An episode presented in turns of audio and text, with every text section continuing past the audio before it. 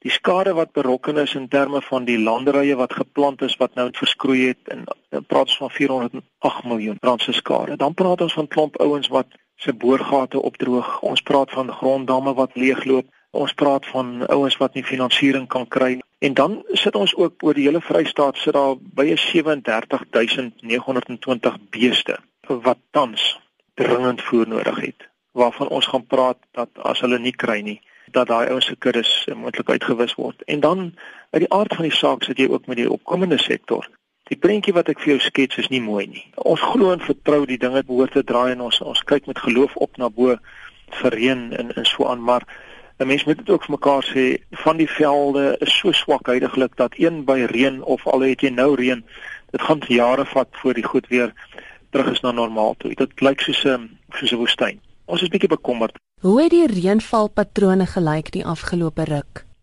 Hier en daar het daar uh, baie uitgesak, maar met hierdie geweldige hitte nê, was daar nie opvolgreën nie. En jy het ge uh, gekry en dan gaan sekere gedeeltes in die Vrystaat wat nog niks reën gekry het. Letterlik niks reën gekry het nie. Nou as jy gaan vat hierdie temperature wat hierdie tyd van die jaar hardloop ons het nou die dag hierso temperature gekry van tot 49 43 en dit hou hier in die Vrystaat aan vir 'n week en langer. Dit is die probleme waarmee jy kry. En die verdamping van water, al hierdie tipe van goed waarmee jy mee moet hanteer en bestuur, maak dit geweldig moeilik vir jou. Hoe beïnvloed die droogte voedselsekerheid in Suid-Afrika? Nou, kom ek sê vir jou, die Vrystaat is baie keer gesien so op en af as die voedselmandjie van die Vrystaat en as daar nie is nie, ek dink nie ons besef wat kan gebeur as daar nie voedsel is nie. En hierdie hierdie droogte is die hele Suider-Afrika. As jy mens gaan kyk, Suidelike Afrika, gaan jy gaan jy sien dat daar is nie voedsel nie. So die impak van voedselsekuriteit en, en sekerheid uh, in in Suid-Afrika is in gedrang. En ek dink nie ons besef wat die effek daarvan gaan wees as as die rakke leeg is en daar's nie voedsel nie. En watter opstande dit tot gevolg kan hê. Mense wil nie nou goed vooruit gaan sê wat nie moontlik nie so is nie, maar ek dink net ons moet dit nie buite rekening laat nie. Wat van voedselpryse? Nou, daar's beweringe wat ouens maak en ek sê dis beweringe dat voedselpryse selfs met 40% kan styg. Volgende jaar sit ons met 'n dramatiese ding wat besig is om te gebeur. As daar nie is nie, dan moet daar ingevoer word en dan uh, vra ons hulle pryse. Die boere verkeer natuurlik onder groot druk. Hoe beïnvloed hierdie droogte hulle op 'n emosionele en sielkundige vlak?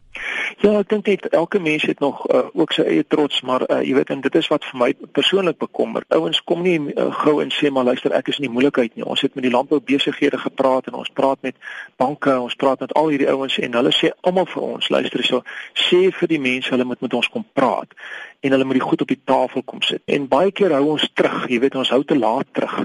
En so is dit met die sielkundige ding ook, jy weet, oor hoe dit jou affekteer hoe dit jou gesinslewe affekteer, hoe dit jou verhouding met mense in die besigheidsvennote, jou werkers.